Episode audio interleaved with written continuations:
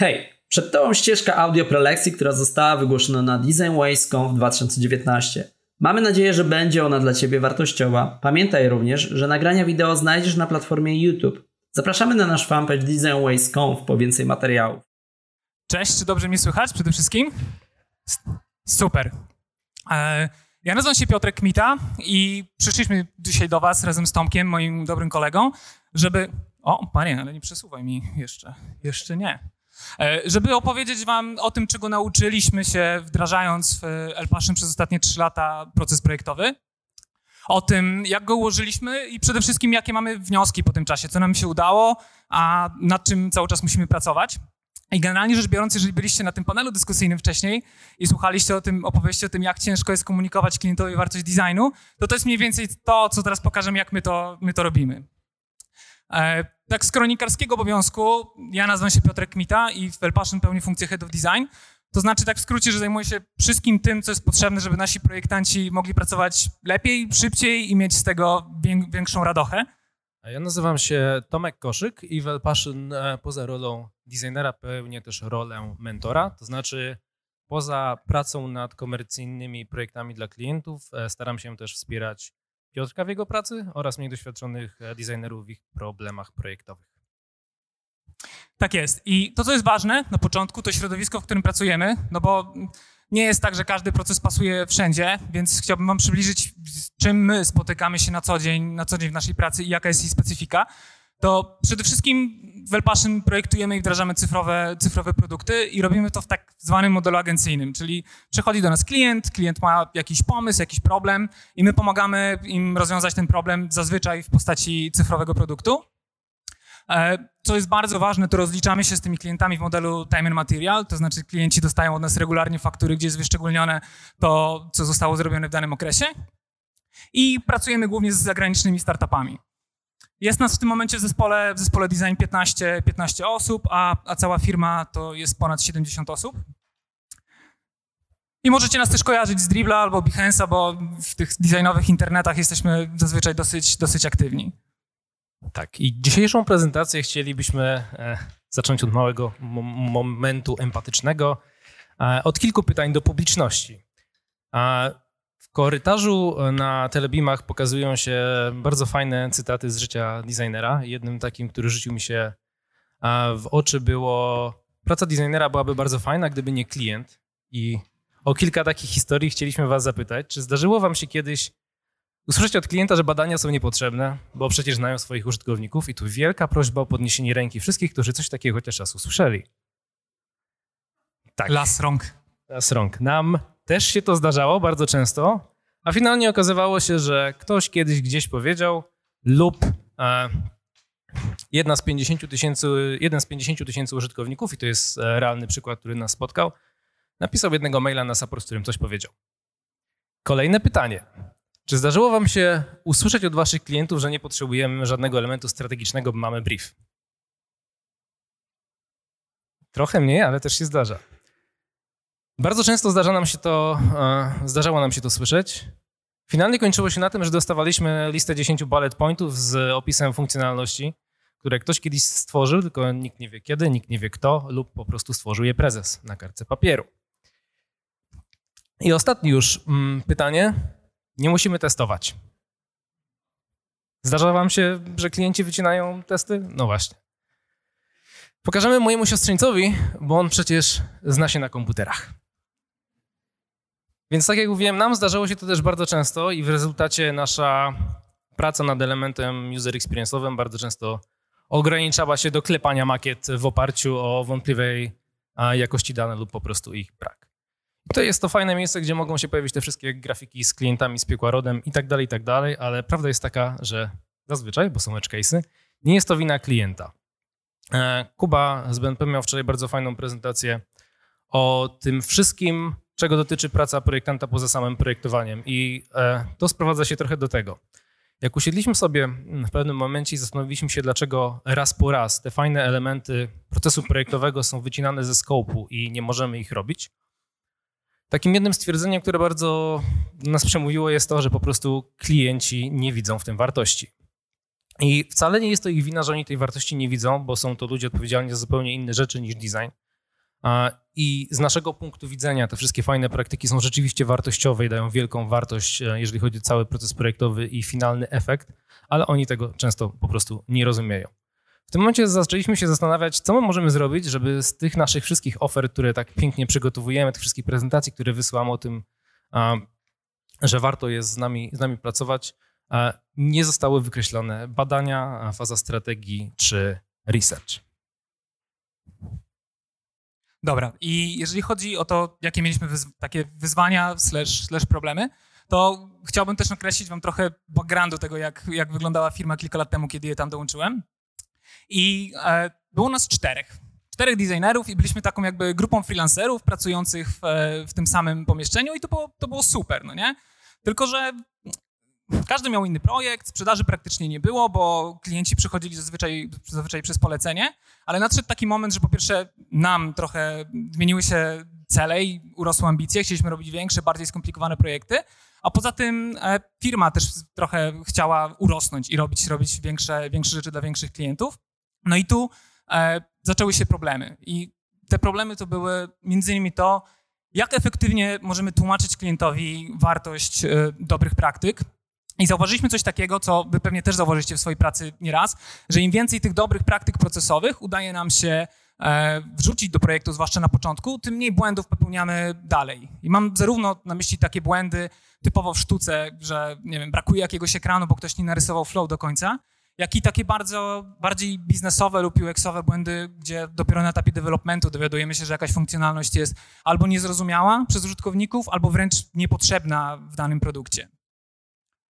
Po drugie, jak możemy tłumaczyć e, naszym sprzedawcom, jak oni mogą efektywnie sprzedawać te dobre praktyki, po to, żeby, żeby badania albo testy z użytkownikami nie były pierwszą rzeczą, która, która wylatuje ze skopu projektu zaraz po, po dostaniu oferty. No i coś, co jest też dla nas specyficzne, nie wiem, czy tak jest w innych miejscach, to sprzedawcy, którzy przychodzili do nas pracować, bardzo często przychodzili z innych branż. I mieliśmy na przykład takiego super chłopaka w zespole sprzedaży, który miał mega gadkę, mega kontakt z klientem, no tylko był jeden taki drobny problem. On w poprzedniej pracy sprzedawał części do pociągów. No i to jest, nie jest jego wina, że on nie wiedział, no przynajmniej na początku, e, czemu te dobre praktyki są dobre i jak ma przekonać klienta do tego, to moim zdaniem to jest nasza, e, nasze zadanie jako projektantów, żeby, żeby ich, tego, ich tego nauczyć. No i trochę wynikające z poprzedniego punktu, to to, jak możemy nowym projektantom, nowym pracownikom e, tłumaczyć, jak my pracujemy w miarę efektywny sposób. I ci z was, którzy prowadzili rekrutację w ciągu ostatniego roku, na przykład na stanowiska seniorskie, no to pewnie zgodzą się ze mną, że takich prawdziwych seniorów jest na pewno znacznie mniej niż ofert pracy dla nich e, na rynku. A nawet jak się uda już zatrudnić takiego mocnego, fajnego seniora, no to jego i tak trzeba w jakiś sposób wdrożyć, żeby jak najszybciej mógł zacząć pracować w prawdziwym projekcie dla, dla klienta. No i tak głowiliśmy się, głowiliśmy, aż e, nagle nadszedł moment eureki i olśnienia, że naszym rozwiązaniem jest proces. Trochę żartuję, nie było żadnego, żadnego olśnienia. Jakby wiedzieliśmy, wiedzieliśmy podświadomie, że, że rozwiązaniem problemu będzie, będzie używanie jakiegoś, jakiegoś procesu. Między innymi dlatego, że, tak jak powiedział Henry Ford, nic nie jest wyjątkowo ciężkie do zrobienia, jeżeli podzieli się to na odpowiednio małe, małe części. Tylko, kurczę, no, jak mamy rozmawiać o procesie, skoro tych procesów tak naprawdę jest tyle, ile, ilu jest designerów na rynku. Mamy design thinking, mamy Scrama, Double Diamond, Sprinty i tak dalej, i tak dalej.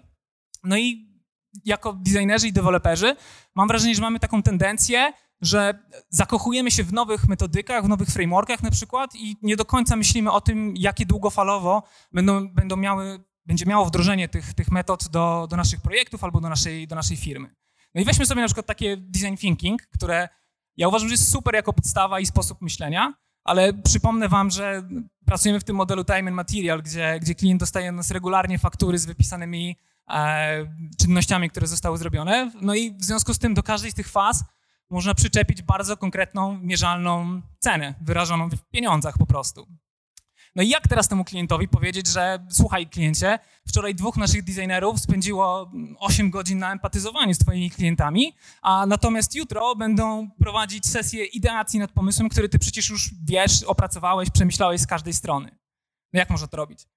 No my wierzymy w taką szczerą komunikację, więc robiliśmy to po prostu wprost. Czasem to działało, czasem to nie działało i reakcja klienta była mniej więcej taka. E, zdecydowaliśmy się w takim razie, że, że być może rozwiązaniem dla nas będzie właśnie, właśnie proces i chcieliśmy zacząć od czegoś, co jest gotowe na rynku, żeby nie wymyślać być może koła, koła od nowa. I wzięliśmy coś, co nazywa się e, pięcioma warstwami produktu cyfrowego według Jesse'ego Jamesa Garretta. Podejrzewam, że większość z was zna ten koncept, ale dla tych, którzy go nie znają, to e, parafrazując osła ze Shreka, to produkt cyfrowy według Jesse'ego Jamesa Garretta jest jak cebula i ma warstwy.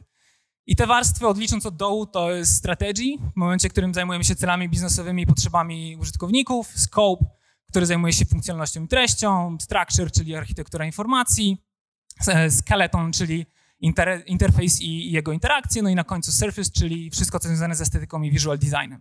No i tak wdrożyliśmy to w pierwszym, drugim, trzecim, piątym, dziesiątym projekcie, no i wyszło nam, że coś nie do końca trochę, trochę styka. Mianowicie największy problem mieliśmy z tym, jak tłumaczyć klientowi moment przejścia pomiędzy, pomiędzy fazami. Na przykład w takim krótkim projekcie, który trwa na przykład, nie wiem, 2, 3, 4 tygodnie, jak mamy powiedzieć, drogi kliencie, przeskakujemy teraz z fazy scope do fazy structure i czym to się dla ciebie, dla ciebie wiąże? W związku z tym, jeżeli my mieliśmy z tym problem, to nie mogliśmy wymagać e, tego od klienta, a tym bardziej nie mogliśmy też tego wymagać od naszych sprzedawców, którzy wcześniej zajmowali się tymi pociągami. I zdecydowaliśmy się połączyć trochę te fazy i uprościć. Więc z pięciu, z pięciu warstw zrobiliśmy sobie trzy fazy, których używamy. Jest to strategia, UX design i visual design. Do każdej, do każdej z tych faz mamy też taki motyw przewodni, który, który pomaga nam prowadzić tą narrację z klientem. I jeżeli chodzi o strategię, to jest how to design the right thing. Jak, jaki problem tak naprawdę powinniśmy wybrać, który realnie jest w stanie przynieść wartość e, biznesowi naszego klienta i jego użytkownikom. Dla UX design jest to how to design it right, to znaczy kiedy już wiemy, jaki jest problem, no to musimy się zastanowić, w jaki najlepszy możliwy sposób możemy go rozwiązać, będąc w takich ograniczeniach e, technologicznych, biznesowych, czy jakichkolwiek, jakich się znajdujemy w danym momencie. I visual design, how to make it unique and coherent kiedy zajmujemy się warstwą estetyczną, kiedy chcemy, żeby produkt nie tylko był zrozumiały, ale także sprawiał użytkowni, użytkownikowi przyjemność w użytkowaniu, a przy okazji jeszcze został w jego, w jego pamięci na dłużej. No i mamy te trzy fazy no i one składają się na nasz, na nasz proces, który ma kilka takich głównych, głównych zasad. Przede wszystkim, jeżeli wszystko idzie dobrze, no to z jednej fazy przechodzimy do, do drugiej i wszystko, życie jest piękne, projekt się kończy, kończy po jednej iteracji. Ale jeżeli coś zepsujemy, jeżeli e, okaże się, że na koniec jakiejś fazy popełniliśmy błąd i wyszło to na przykład w badaniach, no to cofamy się o jeden krok lub dwa kroki, dwa kroki wstecz. Każda faza kończy się zawsze akceptacją e, artefaktów, które tworzymy podczas tej fazy przez klienta, dzięki czemu mamy taki moment zamknięcia dla, dla danej fazy, a klient jest zaangażowany w, w, we współpracę z nami. No i każda faza składa się z trzech metod, które następują jedna po drugiej. E, i co jest ważne, to w każdym projekcie mamy zawsze trzy, te trzy metody i trzy fazy. Nieważne jakiej wielkości jest to projekt, to co, to co się różni, to są narzędzia i artefakty, które występują w każdej z tych kolejnych, kolejnych faz. No i to jest taki jakby schemat blokowy tego, co się dzieje. A jeżeli wrócimy sobie do tych nazw e, faz, które, które wam wcześniej powiedziałem, no to możemy przejść ze strategii do UX designu, z UX designu do visual designu, być może coś się zepsuło po drodze, być może musimy się cofnąć i poprawić na przykład prototyp, albo w ogóle cofnąć się do samego początku. Mamy akceptację pomiędzy, pomiędzy poszczególnymi fazami. I teraz jeżeli chodzi o metody, to dla strategii wyróżniamy trzy metody. Analizę biznesu, analizę użytkowników, ewaluację UX, czyli jeżeli jest to projekt, produkt, który już funkcjonuje, no to sprawdzamy, co, jak to funkcjonuje, albo jeżeli jest to coś nowego, to badamy konkurencję.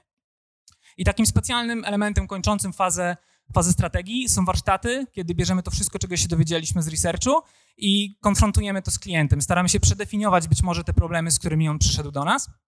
Dla UX design jest to architektura UX, prototypowanie i testy użyteczności. Takie klasyczne testy, gdzie patrzymy, czy prototyp, który zbudowaliśmy, faktycznie, faktycznie działa.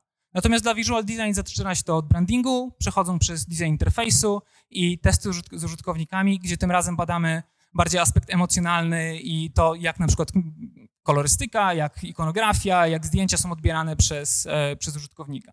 No i teraz przejdziemy z wami przez wszystkie te, e, przez wszystkie te metody troszeczkę, troszeczkę dokładniej. Tak, a ponieważ case'y są fajne, to postaramy się też opowiedzieć wam e, o realnych przykładach zastosowania tego naszego procesu w praktyce i żeby wszystko było ciekawsze, posłużymy się też dwoma personami, które sobie stworzyliśmy, więc case'y będą realne, ale zawsze będziemy je umiejscowiać w jednej z tych kategorii. E, szybki build, czyli osoba, która niespecjalnie dysponuje dużym budżetem i nie widzi też bardzo dużej wartości w procesie, jest trochę oporna. E, I przezorna tak zwana Anna, czyli klient z bardzo dużym budżetem, bardzo dużymi potrzebami i z dużą świadomością tego, że proces może pomóc. Zaczynając naszą wycieczkę od samego początku, zaczynamy ją od strategii, czy jeszcze dokładniej tu ujmując strategii user experience, bo strategią biznesową nie zajmujemy się w tej prezentacji. Jest taki pan, który bardzo często mówi i pisze bardzo mądre rzeczy i w jednej ze swoich książek napisał coś, co dla mnie jest taką samą istotą proces, fazy strategii user experience. To znaczy, żaden, nie jesteśmy w stanie stworzyć produktu, który spełni wszystkie potrzeby wszystkich użytkowników, bo wtedy skończymy z zbyt skomplikowanymi interfejsami, które kompletnie nie są użyteczne i z funkcjonalnościami, których wyprodukowanie będzie nas kosztowało e, miliony, e, miliony e, monet. W związku z tym musimy pamiętać o tym, że faza strategii to nie tylko jest szukanie rozwiązań i definiowanie tego planu dojścia do celu, ale też zdefiniowanie odpowiedniego problemu i właśnie od tego zaczynamy.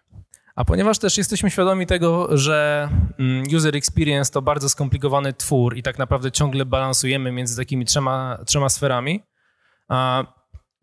to e, musimy do tego podejść naprawdę na poważnie. Zresztą ten diagram bardzo fajnie pokazuje e, w swojej prostocie, że ten UX naszego, naszego produktu, to nasze rozwiązanie spełnia tylko pewien zakres potrzeb użytkownika, pewien zakres e, celów biznesowych w ramach pewnych ograniczeń technologicznych, a nie staramy się pokryć całości. To jak to u nas wygląda? E, tak jak Piotrek powiedział, faza strategii ma trzy metody, które tak naprawdę są metodami researchowymi. E, zawsze staramy się zgłębić biznes klienta, e, potrzeby użytkowników oraz konkurencję lub obecne doświadczenie, którym nasz klient e, dysponuje.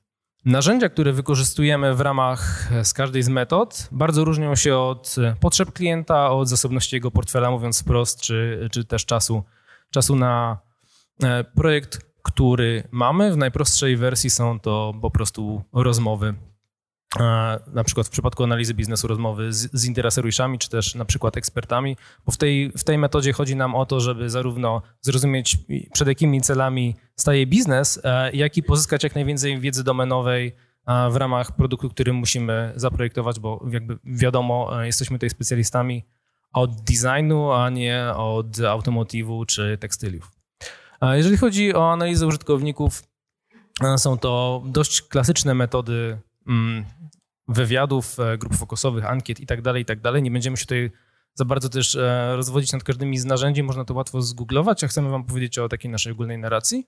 Natomiast ewaluacja UX to coś, e, co nie tylko jest audytem istniejącego rozwiązania już obecnie naszego klienta, ale w momencie, w którym czegoś takiego na przykład nie ma, jest to analiza konkurencji. I w momencie, kiedy pozyskamy te wszystkie informacje, które teraz są dla nas potrzebne, żebyśmy mogli ruszyć w ogóle dalej, Przechodzimy do tego specjalnego momentu mm, fazy strategii, czyli tak zwanych przez nas warsztatów strategicznych, gdzie zajmujemy się, to bardzo fajnie brzmi, operacjonalizacją MVP, czyli mówiąc e, bardziej po ludzku, wypracowujemy konkretne funkcjonalności, które powinny znaleźć się w produkcie, żeby rozwiązać problem użytkowników oraz e, treści, które e, wspierają te funkcjonalności. Robimy to też w różny sposób, bardzo różnymi metodami. To też zależy od konkretnego designera, którą, którą narzędzie w ramach tej, tej metody wybierze. Nieraz jest to prosty value proposition canvas, gdzie te funkcjonalności kończą jako zapiski na postitach, bo wiadomo, że UX bez postitów nie ma. A nieraz są to regularne sesje design studio, gdzie już próbujemy szkicować jakieś wstępne low-fi makiety z naszym klientem. I druga część takich warsztatów to planowanie i priorytetyzacja, czyli określamy sobie scope MVP, ponieważ pracujemy często z startupami i tworzymy produkty MVP, to jest to dla nas bardzo kluczowa rzecz, oraz planowanie dalszych funkcjonalności, jak to będzie wyglądało w przyszłości. I teraz przykład. Bill 5 dni, Anna 30 dni. To, że w 30 dni da się zrobić jakąś strategię jest raczej oczywiste, ale czy ma jaką korzyść w ogóle robienie tego w 5 dni? No więc odpowiadając na to pytanie, e, ma. Wracając znowu do prezentacji Kuby z wczoraj, e, w miarę źle, to dalej lepiej niż w ogóle. I tu mamy taki realny przykład z naszego klienta Fiskla, czyli jest to platforma online do wystawiania faktur dla małych i średnich przedsiębiorców. Tutaj zastosowaliśmy bardzo mm, partyzanckie podejście, bo nie mieliśmy ani czasu, ani, ani pieniędzy na to, żeby robić coś więcej. Natomiast e, po drugiej stronie, nie ta strzałka, mamy kolejnego z naszych klientów, zupełnie inny typ, czyli grupa Warner, największy e, producent tekstyliów i ich dystrybutor w Skandynawii, gdzie ten scope cały, który przeszliśmy, był o wiele większy. Co wynikało głównie z tego, że w momencie, w którym weszliśmy do projektu, przywitał nas taki obrazek. Nie będziemy się w niego bardzo zagłębiać, ale każdy z tych kwadracików to nie jest ekran. To jest oddzielny produkt, który koegzystuje w ramach pewnego ekosystemu. A naszym zadaniem było zaprojektowanie rozwiązania, które wszystkie te produkty połączy i skonsoliduje w jeden. I teraz, tak jak mówiłem, w przypadku Fiska do, podeszliśmy do tego bardzo partyzancko i w bardzo krótkim zakresie czasowym, ale przyniosło to bardzo wymierne korzyści. Zwykła analiza danych z Google Analyticsa zrobiona porządnie wykazała na przykład, że mimo iż klient e, zakładał, że większość jego użytkowników to są użytkownicy z krajów rozwijających się typu Indie, a to tak naprawdę nie jest to prawda bo tak, trafik na stronie głównej e, pochodził głównie z Indii, ale jak wyklikali, wyklikaliśmy sobie już lejek sprzedażowy, to okazało się, że większość klientów to są klienci ze Stanów Zjednoczonych i Wielkiej Brytanii. Co z kolei pozwoliło na zmianę priorytetyzacji niektórych e, funkcjonalności i pewne ustępstwa, mniejsze ograniczenia designowe, co można było tutaj realnie prze, przeliczyć na, na tygodnie e, pracy designerskiej i deweloperskiej. Natomiast w przypadku Warnera sprawa wyglądała inaczej, bo po prostu potrzebowaliśmy zainwestować tak dużo czasu, żeby zrozumieć e, domenę, pozyskać jak najwięcej wiedzy domenowej, żebyśmy mogli cokolwiek temu klientowi zaproponować. I tutaj zahaczyliśmy nawet o jakieś pewne metody etnograficzne, to znaczy my jako designerzy Del Passion jeździliśmy do, do fabryki głównej siedziby Warnera, e, obserwując ludzi, którzy będą używać tych systemów w praktyce i to było coś, co po prostu pozwoliło nam jakkolwiek e, kontynuować ten projekt. No dobra, po fazie strategii mamy już problem, który jest, wszyscy członkowie zespołu jesteśmy pewni, co, co to jest za problem i że chcemy go rozwiązać. Tomek zaczął od cytatu swoją, swoją fazę. Ja też chciałem zacząć od cytatu, ale idę zakład, że to jest taki cytat, którego nie spodziewalibyście się w prezentacji o projektowaniu. Otóż e, nagrywając dubbing do gry Baldur's Gate, Piotr Franceski, znany polski aktor, powiedział kiedyś Przed wyruszeniem w drogę należy zebrać drużynę. No i podaję ten, przy, podaję ten przykład nie tylko z powodu mojej nostalgicznego wspomnień, które, które ta gra wywołuje, ale przede wszystkim dlatego, że moim zdaniem faza UX design to jest taka podróż. I to jest podróż, którą zaczynamy od spisu funkcjonalności, a kończymy na w pełni przetestowanym prototypie. I co jest ważne, to podczas tej podróży e, projektant powinien być bardziej moderatorem niż e, dyktatorem jakichkolwiek rozwiązań. I powinien on moderować dyskusję pomiędzy projektantami, klientem, użytkownikiem i deweloperami. No i podczas tej metody UX Design mamy kilka narzędzi, które wykorzystujemy. Przede wszystkim e, jest to architektura UX, gdzie rysujemy wysokopoziomowy obraz e, produktu, który musimy zaprojektować i od samego już projektu zależy, czy to będzie architektura informacji na podstawie takich schematów blokowych, czy to będzie może jakiś user flow, może jakiś wireflow. To wszystko jest coś, co już definiuje konkretny designer w konkretnym przypadku, w konkretnym projekcie. Mamy metodę prototypowania, kiedy tworzymy przede wszystkim makiety i spinamy w jakiś klikalny prototyp, który można przetestować, albo coś prostego na przykład w InVision, albo coś bardziej skomplikowanego we Framerze lub e, Axure. No i oczywiście testy, gdzie patrzymy, czy, czy te nasze założenia e, się sprawdzają tak naprawdę. No i wracając do, do naszych person, do szybkiego Billa, który chce wszystko szybko, tanio i dobrze, i do przezornej Anny, która może sobie pozwolić na tą opcję na bogato, no to Bill ma całe zero dni na testowanie. Natomiast Anna może sobie pozwolić na coś powyżej, powyżej pięciu, dowolną ilość powyżej pięciu.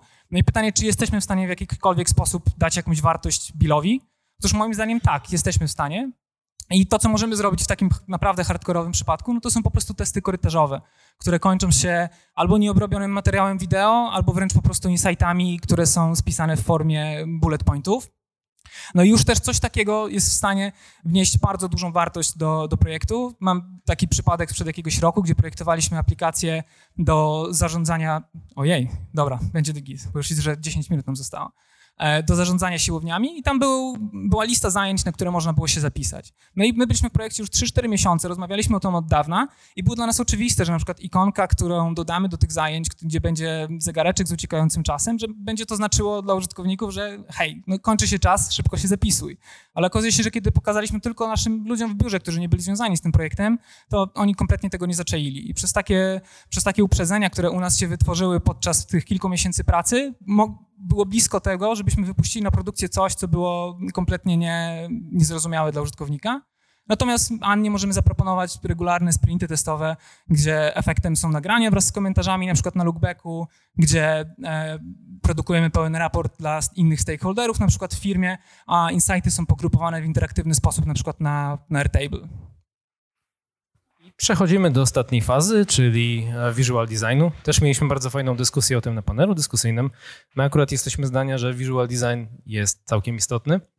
Natomiast visual design nie może być postrzegany przez pryzmat dribla i dobierania ładnych kolorków, foncików czy bezsensownych dyskusji o wyższości e, Helvetiki nad Arialem. Oczywiście jest, że Helvetika jest lepsza.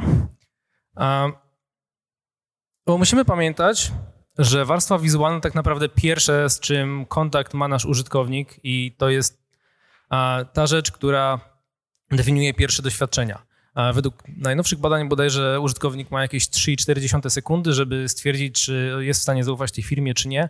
A ta warstwa wizualna jest właśnie tą, tą, tą częścią, która ma na to bardzo duży, duży wpływ i tą warstwą, która jakby niesie ze sobą cały branding danej firmy. Na, na koniec dnia musimy pamiętać, że to nie jest tak, że UI stoi obok UX-a, tylko UI jest nierozerwalną częścią całego doświadczenia użytkowników i bardzo ważnym elementem w kreowaniu całościowego doświadczenia zużytkowania produktu lub usługi.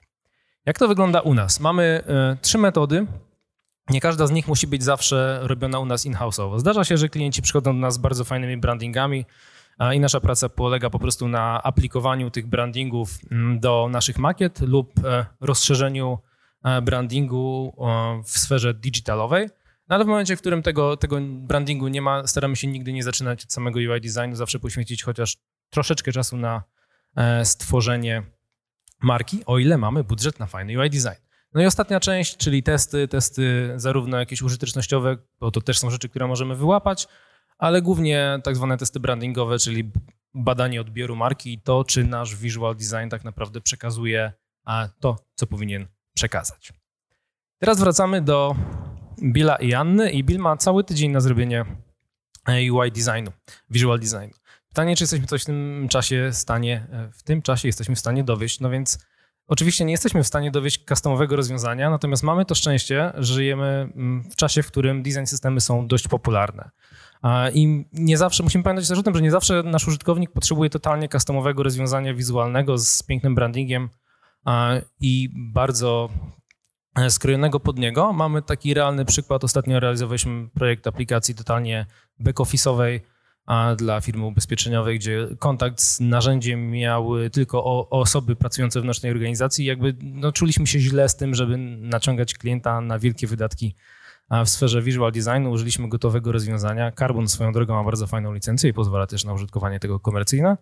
I to już była większa wartość, którą mogliśmy mu zaoferować niż e, próbowanie wytworzenia czegoś zupełnie od podstaw, bo skończyłoby się to zapewne na tym w ciągu tygodnia, że nie dowieźlibyśmy, nie dowieźlibyśmy jakichś ekranów albo coś zaprojektowali w nieprzemyślany sposób.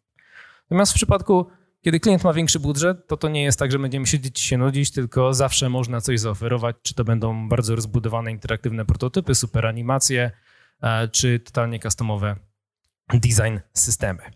I na koniec chcielibyśmy Was zostawić z kilkoma przemyśleniami, bo to nie jest tak też, że wszystko nam wyszło dobrze, ale ja na szczęście mam tą fajniejszą część, gdzie będę mówił, co zrobiliśmy dobrze.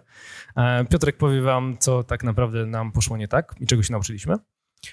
No więc pytanie, czy po przejściu przez te wszystkie grafy, graficzki, e, gify i fajne e, komentarze Piotra Franceskiego e, mamy z tego jakieś realne korzyści? No więc okazuje się, że tak, bo po pierwsze robimy coraz większe mm, projekty i to nie jest tak, że chcemy się za bardzo pochwalić, ale jakby widzimy, że nasza inwestycja w proces przyniosła nam wymierne korzyści. Po pierwsze, klienci więksi klienci są w stanie nam łatwiej zaufać jako firmie, bo wiedzą, jakby już ich odbiór jest taki, że wiemy o czym mówimy, mamy przygotowane materiały, mamy usystematyzowane podejście i łatwiej jest nam rozmawiać z biznesem w momencie, kiedy mamy jakiś proces i coś możemy wrzucić w jakieś ramy.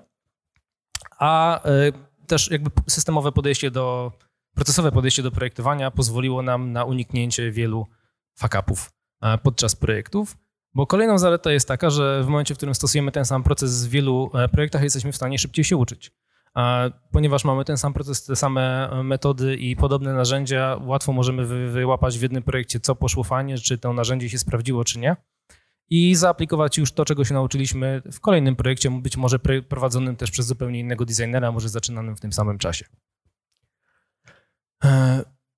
E, o ile w przypadku takiego biznesu jak nasz, to znaczy opartego na ludziach i ich kompetencjach, ciężko jest mówić o jakim o, skalowaniu i nigdy to nie będzie tak łatwe, że po naciśnięciu magicznego przycisku zeskalujemy się z 10 designerów do 100, o tyle jakby mocno wierzymy w to, że wspólny proces i jakiś wspólny język komunikacji, podstawa do komunikacji między nami designerami w ramach jednej firmy, to jest absolutne minimum, żeby myśleć w ogóle o skalowaniu się w górę w porządny sposób.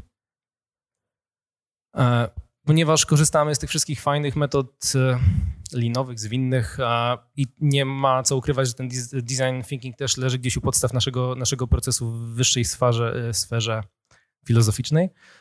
Angażujemy klienta na każdym etapie, od bardzo wczesnego etapu i daje nam to też taką wymierną korzyść, że w momencie, w którym klient jest zaangażowany e, w podejmowanie decyzji od samego początku, on czuje się odpowiedzialny za te decyzje, on wręcz czuje, że to są decyzje podjęte przez niego, co jakby mówiąc bardzo szczerze, po prostu ciężej jest mu negować swoje własne decyzje, prawda? Więc potem w procesie dalszym projektowym wszystko idzie nam e, łatwiej. I totalnie już subiektywna korzyść, którą wynieśliśmy my jako projektanci. Nigdy nie nauczycie się czegoś tak dobrze, jak wtedy, kiedy będziecie starać się to komuś e, przekazać. Więc praca nad wypracowaniem i wprowadzeniem naszego procesu designowego pozwoliła nam bardzo mocno usystematyzować naszą wiedzę. No dobra, ale żeby nie było tak różowo, to nie wszystko poszło, nie wszystko poszło pięknie podczas tego czasu. I czego się nauczyliśmy? Przede wszystkim, nawiązując do tytułu naszej prezentacji, no to prościej znaczy lepiej. I co mam na myśli? Na myśli mam to, że przez pierwszych kilka tygodni albo wręcz miesięcy to tak delikatnie rzecz ujmując pobłądziliśmy sobie. I to błądzenie kosztowało taki bardzo określony i określonej wielkości worek pieniędzy, który, który firma musiała zainwestować a mogliśmy od początku upraszczać komunikację i zupełnie inaczej mówić do klientów nietechnicznych, zupełnie inaczej mówić do naszych sprzedawców, którzy muszą być partnerami e, dla klientów, a zupełnie na innym poziomie rozmawiać pomiędzy nami, designerami. Po drugie, coś, co jest e, warte nie tylko tych trzech e, wykrzykników na końcu, ale też podkreślenia, to jest to, że proces to nie jest procedura i mocno wierzę w to, że nie da się znaleźć takiej checklisty, która w każdym projekcie zadziała i pozwoli zrobić super produkt w każdych, y, w każdych warunkach. Natomiast myślę, że powinniśmy szukać takiego złotego środka pomiędzy, pomiędzy korzyściami płynącymi z procesowego podejścia, a możliwością bycia, bycia elastycznym i dostosowania się do, e, do każdego kolejnego projektu. Wygenerowaliśmy sobie też sporo pracy około projektowej. Mam na myśli te wszystkie raporty, dokumentacje, które tworzymy na koniec każdego narzędzia. No i no to nie jest fajne, jakby tak mówiąc, mówiąc prost, ale wydaje mi się, że to jest trochę tak jak z testami pisanymi przez programistów. One też zabierają dużo czasu, ale pozwalają nam zabezpieczyć się przed większym błędem i większym fuck-upem, który może nastąpić w przyszłości.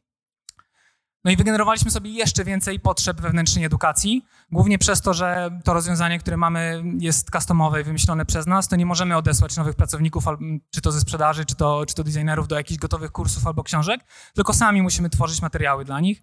W tym momencie korzystamy z gotowych prezentacji i, i szablonów, ale to nie jest efektywne nie jest do końca efektywne i cały czas kombinujemy, jak możemy to usprawnić i zautomatyzować, żeby wdrożenie nowego pracownika trwało, trwało krócej niż teraz. No i last but not least, zdecydowanie, to no, nasz proces nadal nie klei się ze skramem idealnie. I wydaje mi się, że ktoś, kto wymyśli sposób na pożenienie takiego prawilnego projektowania ze Scrumem, to powinien dostać Nobla w kategorii designu. Tak, ale tu warto wspomnieć, że też chodzi nam o Scrum w przypadku produkowania nowych produktów, a nie pracy w in-house'owym teamie produktowym. Tu też to, co Piotrek powiedział na samym początku, a trzeba podkreślić jeszcze raz, że pracujemy w modelu agencyjnym, dlatego to nam się w pewnym sensie nie klei ze skramem. Dokładnie tak. Dzięki.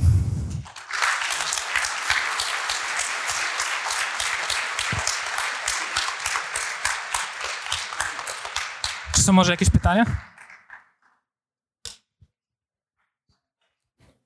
Cześć. E, wspominałeś o tym ogólnie, że tak naprawdę jak zaczynacie pracę, tam gdzieś tam na tym pierwszym etapie są na podsumowaniu są warsztaty. E, czy jak zaczynacie pracę z klientem, jak się z nim dopiero tak naprawdę spotykacie, robicie z nimi jakieś warsztaty typu Discovery, na których można znaczy, jak pozyskujecie ogólnie informacje takie podstawowe o, o kliencie, o produkcie i właśnie czy to jest właśnie jakaś forma warsztatowa, jak to wygląda? No, odpowiedź jest jedna, to zależy. E, I warsztaty zazwyczaj są jednak elementem, który kończy tą fazę strategii e, i w zależności od projektu dostosowujemy te, te metody jakby on the fly, w zależności od tego, ile mamy czasu. Czasem, tak jak, tak jak Tomek pokazywał, jedziemy wręcz do klienta i do tej fabryki i patrzymy, jak jest korzystane z tego, z tego sprzętu, ale jednak to jest, to jest edge case i w większości przypadków musimy się opierać na czymś, co, co zajmuje mniej czasu, czyli na przykład, nie wiem, badaniach e, na IDI-ach, na, na badaniach produktów konkurencji, albo wręcz po prostu przeczesywaniu komentarzy w internecie na temat aplikacji konkurencji. Zdarzają się też po drugiej stronie w przypadku mniej zasobnych e, klientów sytuacje, w których ta część analizy biznesu i jakieś ogólne założenia odnośnie użytkowników dzieją się po prostu na warsztatach. Jakby w bardzo określonym, ograniczonym budżecie lepiej jest zrobić, poświęcić jeden dzień warsztatów na jakby nawet wypracowanie w grupie 10 osób jakiś e, alignmentu i pozyskanie tych informacji, niż totalnie pominąć tą, tą fazę. E, w miarę źle, dalej lepiej niż w ogóle, więc to wszystko zależy. Hej, e, e, ja mam pytanie, e, bo dużo pracujecie dla zagranicznych klientów i zastanawiam się, czy bierzecie kontekst kulturowy przy tworzeniu rozwiązań dla tych klientów i też czy robiąc testy z użytkownikami, robicie te testy z grupą docelową, czyli nie wiem, robicie projekt dla Stanów Zjednoczonych, robicie testy w Stanach Zjednoczonych. Dobra, do pierwsze pytań, pierwsza odpowiedź moja jest taka, że większość naszych klientów jest taka, że dalej jest kultura, kultura zachodnia, tak? Stany Zjednoczone, mm, e, Europa Zachodnia, nawet jeżeli mówimy o Skandynawii, to niespecjalnie się różni, ale mamy kilka ciekawych case'ów i Piotrek pracował w takich projektach, więc chętnie. Pracowaliśmy na przykład dla e, rynku wynajmu nieruchomości z Londynu, który jest zupełnie, zupełnie inny do tego, co, co jest w Polsce. No i tam po pierwsze wspieraliśmy się drugą agencją UX-ową, z którą się sparowaliśmy, żeby pracować na miejscu. No i mieliśmy kontakt na, na miejscu z tym projektantem z Londynu i, i z Londyńczykami, których, których on zorganizował. Więc tak to, tak to zazwyczaj wygląda. Mamy doświadczenia w projektowaniu e-commerce'ów na rynek arabski, więc jakby odpowiadając na pytanie, tak, ten kontekst kulturowy też staramy się nieraz brać pod uwagę. Hej, e, ja mam też pytanie doty dotyczące warsztatów e, i chciałem się dowiedzieć, e, jak to wygląda od, takiego, od, takiego, od takiej sprawy, udział, jakich ludzi zapraszacie do, do tego warsztatu, czyli kto od was z firmy bierze udział w tych warsztatach, czy to są też od razu po prostu wszyscy, projektanci z całego tego spektrum procesów, i kto też jest od klienta na tych warsztatach i czy pracujecie w jakiś sposób z nimi na tych warsztatach przez internet, czy staracie się jednak spotykać z nimi bezpośrednio? Dobra, zacznę od końca. Jeżeli chodzi o warsztaty przeprowadzane zdalnie, to robiliśmy to. Zdarzyło nam się to chyba dwa razy, ale to jest strasznie ciężkie. Jakby to wyszło, ale jestem święcie przekonany, że to wyszło tylko dlatego, że e, akurat ten klient był bardzo techniczny i bardzo szybko załapał narzędzia, których, których używaliśmy. Używaliśmy przykład Murala E, do, do kolaboracji z nimi i do wykonywania tych samych metod warsztatowych, ale jeżeli to byłby taki nietechniczny klient, to jestem pewien, że to byłby, to byłby fail. To, co zrobiliśmy, jakiego tipa mogę ci sprzedać w, w kontekście tego, to jest to, że przygotowaliśmy najpierw w tym Muralu i, na przykład, i Balsamiku, przygotowaliśmy zadania dla nich do zrobienia i oni dostali kilka dni wcześniej zadanie, które musieli zrobić e, w tym narzędziu po to, żeby się z nim zaznajomić i być e, w miarę płynnie się w nim poruszać już potem na, na warsztacie. A przypomnisz pierwszą część pytania? Kto bierze udział w takich warsztatach z waszej strony i ze strony mhm. klienta? Dobra, więc na, z naszej strony zawsze na warsztatach jest przede wszystkim dwóch projektantów, którzy współprowadzą ten warsztat. Oni mają trochę inne umiejętności. Jest to UX-owiec i, i taki product designer, który jest e, takim UX slash UI designerem, czyli ma mocne postawy UX-a i, i jest w stanie też robić interfejs. Więc to są jakby dwie osoby ze strony projektowej. Jest ktoś zawsze z teamu, z teamu BD, żeby budować relacje z tym klientem. Natomiast po stronie klienta to bardzo zależy. Jakby są tacy klienci, którzy przechodzą, nie wiem, sami na przykład, są tacy, którzy, których trzeba przekonywać do tego, żeby nie przechodzić 10 osób, bo to nie będzie efektywne. A, no jeszcze zapomniałem, że z naszej strony bardzo często e, są dostępni deweloperzy i kluczowo mówię dostępni, bo też wyszło nam tak, że w większości przypadków nie ma potrzeby, żeby deweloper siedział całe dwa dni na warsztacie, bo jeżeli to nie jest taki bardzo e, entertainer deweloper, to, no to oni się po prostu nudzą wtedy i oni są wdrożeni w temat warsztatu i są gotowi tylko przyjść w dowolnym momencie do, do pokoju i odpowiedzieć na jakieś takie pytania domenowe, które, na które odpowiedź potrzebujemy. Bo to jest fajny przykład tego, jaką mamy różnorodność w teamie. Ja na przykład uważam, że deweloper powinien być na całych warsztatach i bez tego ani rusz. E, Ale wracając jeszcze do tego, kto po stronie klienta jest, jakby zależy nam po prostu na tym, żeby to była, żeby to była osoba lub były osoby, które mają wiedzę o biznesie i użytkownikach tak naprawdę. Tak bardzo fajnie można sobie, polecam e, książkę o design sprintach, tam jest bardzo fajny rozdział o komplementowaniu teamu i generalnie na tym się też trochę opieramy. Jeszcze jakieś... O, na końcu.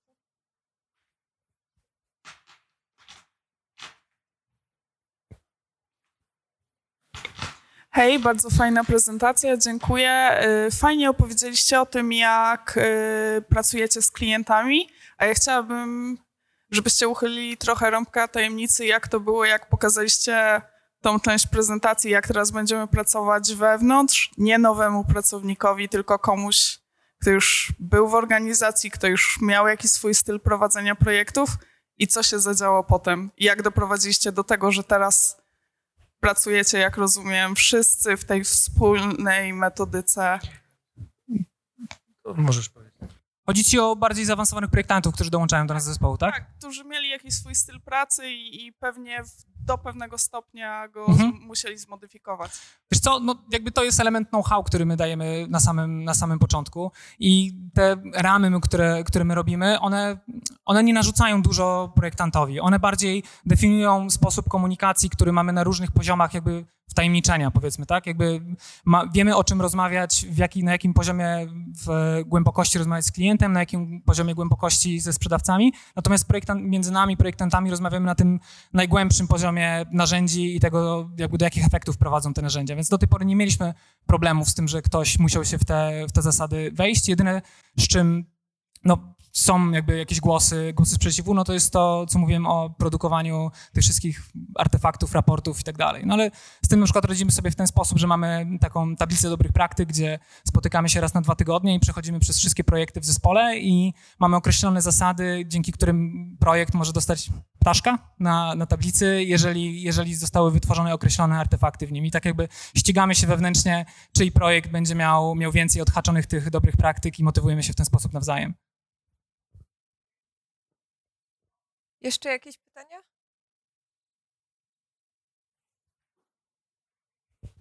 Dobra. O, E, Przede wszystkim chciałbym pogratulować za dobrą preskę. dzięki.